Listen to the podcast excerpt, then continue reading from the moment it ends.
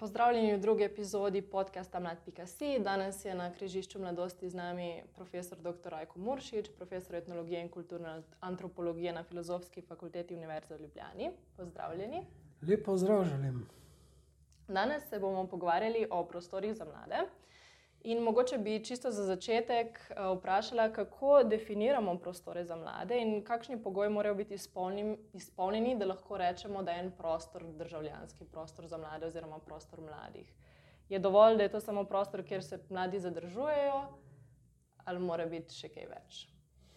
Zdaj, eh, jaz upam, da ne bomo nikoli pridelali kakšne uh, popolne birokratske definicije prostora za mlade, zaradi tega, ker ni mogoče vsega tistega kar eh, razumemo kot prostore, namenjene mladim, spraviti pod pač skupni imenovalec, ne? predvsem ne birokratskega.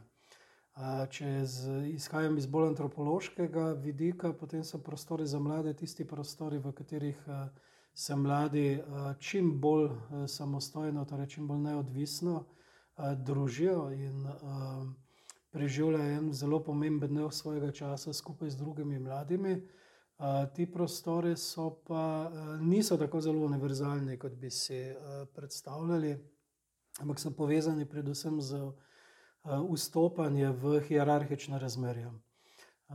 To pa pomeni, da tam, kjer prevladujejo bolj egalitarna, torej razmerja enakopravnosti ali pa enakovrednosti, ne brez gospodarjev je potrebe po tem, da bi imeli mladi posebne prostore, pravzaprav ni.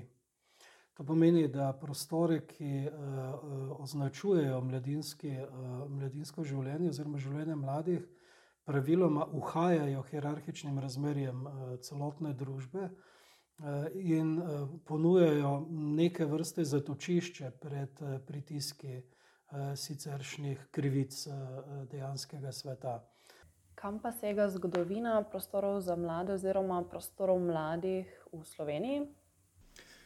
No, ko govorimo o samih začetkih mladinskega druženja, zbiranja in delovanja, naj seveda povem, da v tradicionalnem kmečkem okolju, oziroma na podeželju v Sloveniji in v največjem delu Evrope, smo pravzaprav imeli eno prakso, ki je sila preprosta in sila tudi po drugi strani razširjena. To je praksa tvorjenja tako imenovanih mladinskih skupnosti oziroma fantovskih in dekliških skupnosti. Zdaj, praviloma so bile fantovske in dekliške skupnosti ločene, tu in tam so pa seveda tudi sodelovale med seboj pri različnih ritualnih in drugih aktivnostih v tako imenovanem javnem, vaškem življenju. No, najpomembnejši del, najpomembnejša plat tega delovanja pa je bila. Pa je bilo vaško petje, je bilo skupno petje. To pomeni, da je prostor, ki so ga zasedale te vaške, fantovske in dekliške skupnosti, bil prostor vasi. Največkrat je njihovo druženje potekalo prav v tistem središču vasi, v katerem so sicer vaščani upravljali s svojim življenjem, torej metaforično in tudi dobesedno rečeno ob vaški lipi. Pa tudi seveda v tistih skupnih javnih prostorih. V fantovske in dekliške skupnosti so se vključevali mladostniki, potem ko so že prepoznali njihovo zrelost, niso bili pa še poročeni, kar je bila pa potem naslednja stopnja sprejemanja v skupnost.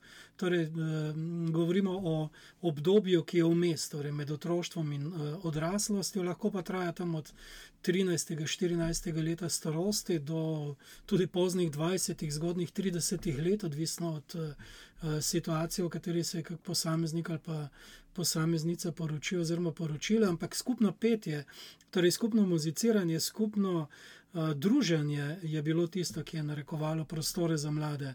Tako da ne drži povsem, da prostorov za mlade ni bilo, zato ker so bili to skupni prostori vseh, ki so jih v določenih situacijah, predvsem ob večerih po delu, v poletnem času zasedali predvsem mladi. Potem se je začelo v devetnajstem stoletju na neki način eno čiščenje z rastjo urbanizacije, seveda so prišli drugi problemi. Čiščenje v tem smislu, da je cistercijansko gibanje in pa seveda tudi druga gibanja, ki so spodbujale čistost in tako naprej v 19. stoletju, po eni strani cenzuriralo ljudsko petje, po drugi strani pa je predvsem v mestnem okolju narekovalo določeno pravila vedenja in nadzor nad skupnimi plesi. No, in skupne, skupni, skupne plesne prireditve uh, so bile tiste, ki so mogoče najbolj zaznamovale skupno življenje uh, v uh, naših mestih, tam od konca 19. stoletja do sredine 20. stoletja, seveda pod nadzorom odraslih in jasno, da tudi ob zelo velikem zgražanju, kadar bi naj zadeve šle čez rob, pa vendar. Eh, poleg eh, teh klasičnih plesišč, vedut in tako naprej, so eh, vendarle ljudje plesali tudi v drugih prostorih, torej v gostilnah, v kavarnah in v drugih družabnih prostorih, ki so jih seveda predvsem čez vikend zasedali predvsem mladi. Šele v začetku 20. stoletja se je ta zadeva nekoliko bolj strukturirala in takrat so nastali pa prvi prva središča, ki so privabljala dejansko predvsem mlade, ampak pod nadzorom starejših. Poznamo jih kot sokolski eh, domovi, sokolska gibanja. Deloma so bila ta gibanja pod eh, vplivom nemškega mladinskega gibanja, deloma so bila pa seveda panslovanska z izrazito nacionalno noto in s spodbujanjem predvsem telesne kulture, kot so je rekli takrat, skratka aktivnosti, ki jim danes rečemo športne aktivnosti. Ampak eh, do, vse do sredine 20. stoletja in še potem, ko so se začeli, pa, uh, ko, ko so oblasti začele organizirati tudi pr prve mladinske klube, torej konc 50. začetku 60. let se je to dogajalo. Uh, so uh, vedno znova, seveda, mladi pokazali potrebo po tem, da se družijo. Torej, biti skupaj, družiti se, plesati, uh, predvsem pa preživljati prosti čas, je antropološka konstanta. Pravzaprav ljudje, um, seveda, smo ne samo družabna, socialna bitja, ampak živimo dobesedno tudi od zabave. V tem smislu je bilo seveda ustanovljanje klubov v 60-ih letih samo logično sosledje dogodkov, v katerih so mladi preživljali svoj prosti čas oziroma svoj čas druženja tam, kjer je bilo to mogoče v vaških klubih, v vaških gostilnah, v mestnem okolju, v različnih restauracijah, recimo so organizirali plesne prireditve. In pa seveda tudi, če omenim še to na prvi pogled bizarno podrobnost, večino plesov tam do druge svetovne vojne, do, ja, do druge svetovne vojne, oziroma predvsem pa v obdobju tik pred prvo in po prvi svetovni vojni so organizirali vojaški orkestri, oni so igrali večino glasbe za ples. Skratka, glasba, petje, skupnost, to je ena in ista in brez tega si mladostnega združevanja pa tudi konec koncev združevanja odraslih sploh ni mogoče predstavljati in zato je uh, glasbeni, zvočni del uh, sobivanja oziroma delovanja v mladinskih klubih in centrih sodobnega časa enostavno uh, nuja, brez katere se ne da. Preprosto ne bi smelo biti mladinskih centrov brez prireditvenih in družabnih prostorov. Poleg pomembnih prostorov za druženje mladih, kakšno vlogo za mladega človeka še igrajo prostori za mlade oziroma prostori mladih? Kot sem že povedal, je uh, v bistvu človeško življenje stkano predvsem iz druženja, iz sodelovanja z drugimi ljudmi, uh, preživljanja našega časa skupaj z drugimi. Zato so prostori za mlade neke vrste nuja, oziroma nek, nek, nek nujni in potrebni pogoj kakršne koli uh, spodobne socializacije tudi v sedanjem času. Uh, poleg uh, družabnega uh, in prej omenjenega tkanja družbenih vezi, ki poteka na vseh ravneh našega bivanja, od afektivnega do kognitivnega, skozi glasbo, ples in pa Eh, seveda nekoč tudi petje, danes pa pač eh, v različnih drugih oblikah, so prostori za mlade namenjeni tudi temu, da um, omogočajo en, eno, en obrat v našem vsakdanjem življenju, tisti obrat, v katerem postanemo, oziroma smo vsi enaki in v enakopravnem oziroma enakovrednem prispevanju vsakogar pač po svojih močeh, se oblikuje tista skupnost, ki je v resničnem življenju ni več. To je komunitas, to je ena komunitarnost, uh, uh, uh, v kateri se razvijajo pa seveda tudi nove, sveže, drugačne ideje in pa seveda tudi življenjske prakse. Um, v njih se kuje pravzaprav solidarnost, poleg seveda tudi odnosa, kritičnega odnosa ali pa kritična misel v pravem pomenu besede. Zaradi tega je avtonomija oziroma to, da uh, mladi upravljajo sami s svojimi prostori na način, kot sami hočejo, ključnega pomena seveda za vzpostavljanje teh uh, odnosov in tudi, če imamo občutek, da se sorazmerno malo ljudi soudeležuje teh različnih procesov, različnih prireditev, različnega dogajanja.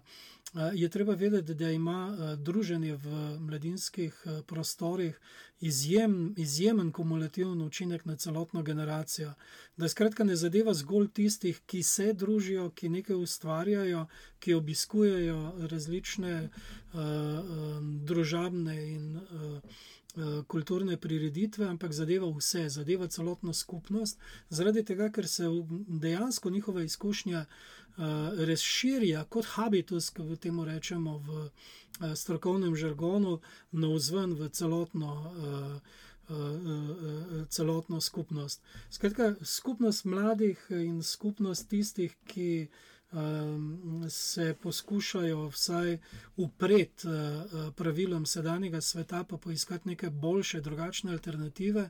Ta skupnost je tista, ki je pravzaprav temeljnega pomena za uh, sodobno, uh, sodobno družbo oziroma za življenje naprej. Ehm, če pogledamo sedanji trenutek in mladinske politike, seveda vidimo, da prav tega družabnosti, preživljanja prostega časa v prazno, družice skupaj z drugimi in pa uh, uživanje v kulturnih prireditvah, kulturo so na nek način birokratsko ločili od uh, mladinskega življenja in dogajanja, da tega pravzaprav ni in to najbolj zatira ne samo ustvarjalnost, ne kultura, ampak zatira pravzaprav življenje mladih in zatira seveda tudi prihodnost uh, naše družbe, ker nam dobesedno in tukaj uh, ne pretiravam in ne prodajam nekih poceni. Metafor, dobesedno nam zapira prihodnost, zapira obzorja in uničuje tiste uh, uh, neskončne možnosti, ki sicer izhajajo iz skupnosti in nečesa, kar seveda imenujemo na dolgi rok uh, temeljna človeška uh, solidarnost. Skozi vsa ta desetletja v pogleda v delovanje mladinskih klubov, najprej so se imenovali klubi, potem pa centri, tudi to ni nezanemrljiva sprememba. Je dejstvo, da so se v njih vedno združevali ljudje, ki so pozneje postali zelo ustvarjalni na različnih področjih svojega delovanja. Ne? Torej, od tehnikov, inženirjev in tako naprej do družboslovcev in humanistov, ne? od učiteljev do delavcev, vsi, ki so dali skozi en tak dober model mladinskega druženja, so ohranili ene elemente razumevanja za drugačnost, pa razumevanja za druge eno ustvarjalnost, pa tudi še ena stvar, je, ki je prej še nisem omenil čisto direktno. Ne? Ampak to pa bolj velja, res žal, za samonikla prizorišča, kot pa za uh, prizorišča uh, uh, od zgoraj na vzdolj dirigiranih mladinskih centrov, ki jih ustanavljajo občine ne, v okviru teh javnih zavodov. To je solidarnost.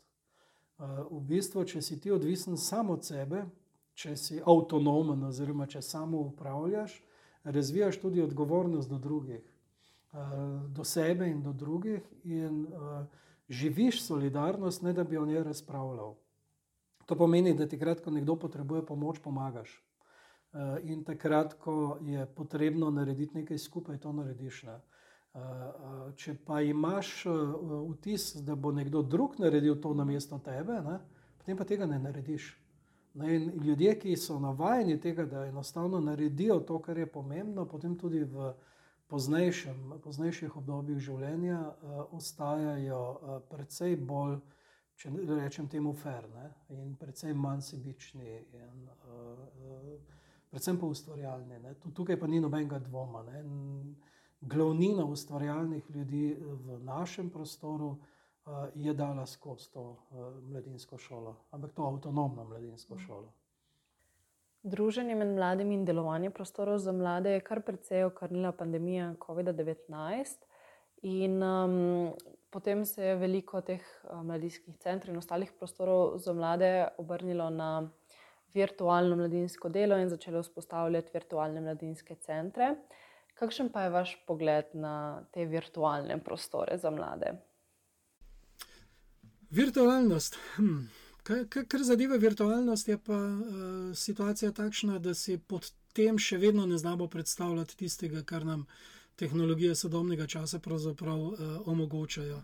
Sam ne vidim nobenih zadržkov uh, proti temu, da uh, ne bi mladi sami oblikovali svojih lastnih virtualnih prostorov in da uporabljajo uh, sodobne tehnologije na uh, izjemno ustvarjalen način, ki jim uh, starejši pač, ki mu starejši nikakor ne moremo in ne znamo več slediti. Je pa treba vedeti eno stvar. Um, Koronska uh, doba nam je pokazala, sveda, da ni, nič na tem svetu ne more nadomestiti neposrednih stikov in neposrednega sodelovanja ljudi v dejanskih okoliščinah, uh, da nam pa lahko tehnologije pomagajo reševati tiste stvari, ki so nujne za uh, naše delovanje skupaj z drugimi, da nas povezuje z, z drugimi ljudmi. Skratka, virtualne tehnologije nas uh, enako kot druge povezujejo imajo še potencial razširjanja naše čutne zaznave, govorimo o estetsko-čutnih zaznavah uh, celotnega življenja in nam omogočajo seveda tvorjenje tudi novih uh, virtualnih skupnosti. Tako da jaz njihovih potencialov ne bi zanemarjal. To pa nikakor ne pomeni, da bi se morali odrekati klasiki, skratka, druženju v, v fizičnih prostorih oziroma na fizičnih lokacijah. Uh, in e, samo upravljanju, ki izhaja iz e, nujne potrebe po sobivanju in soustvarjanju svojega lastnega časa in prostora.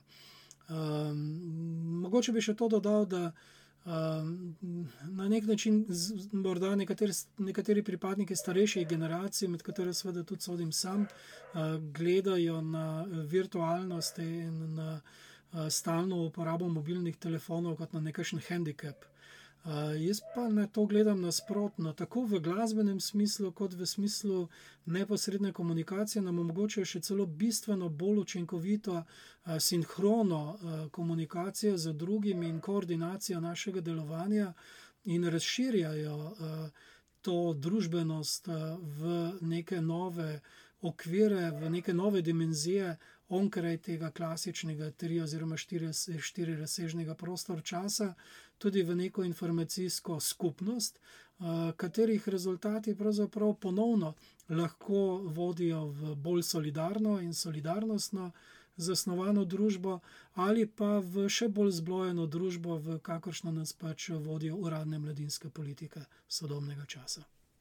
Kako je pa samoniklimi prostori za mlade, torej prostori, ki so nastali od spodaj na vzgor, glede na potrebe mladih in pogosto strani mladih samih, jih je sedaj več ali manj kot včasih? In zakaj menite, da je temu tako? Ko govorimo o samoniklih prostorih, pravzaprav niti ne vem, če jih je bistveno manj kot prej, samo spremenjajo se skozi čas in glede na potrebe lokalnih skupnosti oziroma situacij, v katerih se nahajajo. Glede na naš pregled samoniklih eh, prizorišč, torej mladinskih eh, klubov in mladinskih centrov, ki so nastali na podlagi pobude od spodaj na vzgor in so organizirani v glavnem kot eh, društva, v redkih primerjih kakšen zasebni zavod, je seveda mogoče govoriti, da smo jih kar nekaj izgubili v tem času. Najbolj, največji udarec je pravzaprav izguba Kuda France Prešrn tukaj v Ljubljani. Um, tiste, tisti klub, ki je bil meni zelo blizu, um, to je ambasada Štefana Kovača Marka v Beltincih, se je preoblikoval v nekaj novega, v nekakšno um, uh, socialno podjetje ZRIRAP, ki deluje na principu seveda skupnosti, tvorjenja skupnosti in uh, solidarnosti, tako kot seveda tudi prejšnja zadeva. Na drugi strani se pa zelo doste in zelo uh, zanimive stvari dogajajo v uh, Gorni Radgoni, kjer pa imamo recimo primer enega, ene dobre kohabitacije, enega dobrega sodelovanja javnega zavoda z domačimi samoniklimi pobudami, ki se večinoma vrtijo okoli različnih prireditev, dejavnosti, različnih društev ali pa posameznikov, ki potem najdejo prostor v prostorih mladinskega centra. Tako da ta, ta zadeva je kar precej pestra. Pred 12 leti, ko je Marko Bricel začel z zamislijo, najprej z aktivacijo um, uh, ustanove Pohorski bataljon oziroma uh, mladinskega uh, uh, polja, uh, torej nevladnih mladinskega polja Pohorski bataljon. Je uh, bil sam prepričan, da pravzaprav nimamo nobene prihodnosti pri, uh, v teh prostorih in da bo teh prostorov čez deset let, tako rekoč, skoraj da nič. Ne? Tako da je naša knjiga nek dokument časa, za katerega je predvideval, da ga ne bo več. Uh, Preživela je tri četrtine vseh samoniklih prizorišč, ki smo jih takrat evidentirali. Um, imamo tudi kakšno novo, imamo tudi kakšne nove pobude, ne nujno mladinske centre, ampak samonikle pobude uh, in tudi ne po nekakšnem nareku na vzgor uh, nekakšnih transgeneracijskih centrov, ampak čisto preprosto skupnosti, v katerih, kot sem že prej povedal, oziroma kot več čas ponavljam, v katerih ljudje gradijo odnose na drugačen način, kot so odnosi v prevladujoči družbi, skratka egalitarno zastavljene, eh, solidarnostno zastavljene in predvsem usmerjene v tisto, kar ljudje, vsaj ena skupina ljudi, ki zna to artikulirati, dejansko tudi potrebuje. Ne govorimo samo o glasbi, ampak govorimo o enem celem širokem eh, spektru, širokem nizu različnih eh, aktivnosti. Ki pa so pravzaprav, uh, vsaj po mojem mnenju in uh, pogledu od zunaj in od daleč, skoraj da edini primer je tistega, če mora sicer bi, evropska birokracija govori aktivno državljanstvo. Skratka, posegi v lokalno okolje, prispevanje k življenju v lokalnem okolju, um, ustvarjalnost in iskanje popolnoma drugih možnosti in drugih načinov.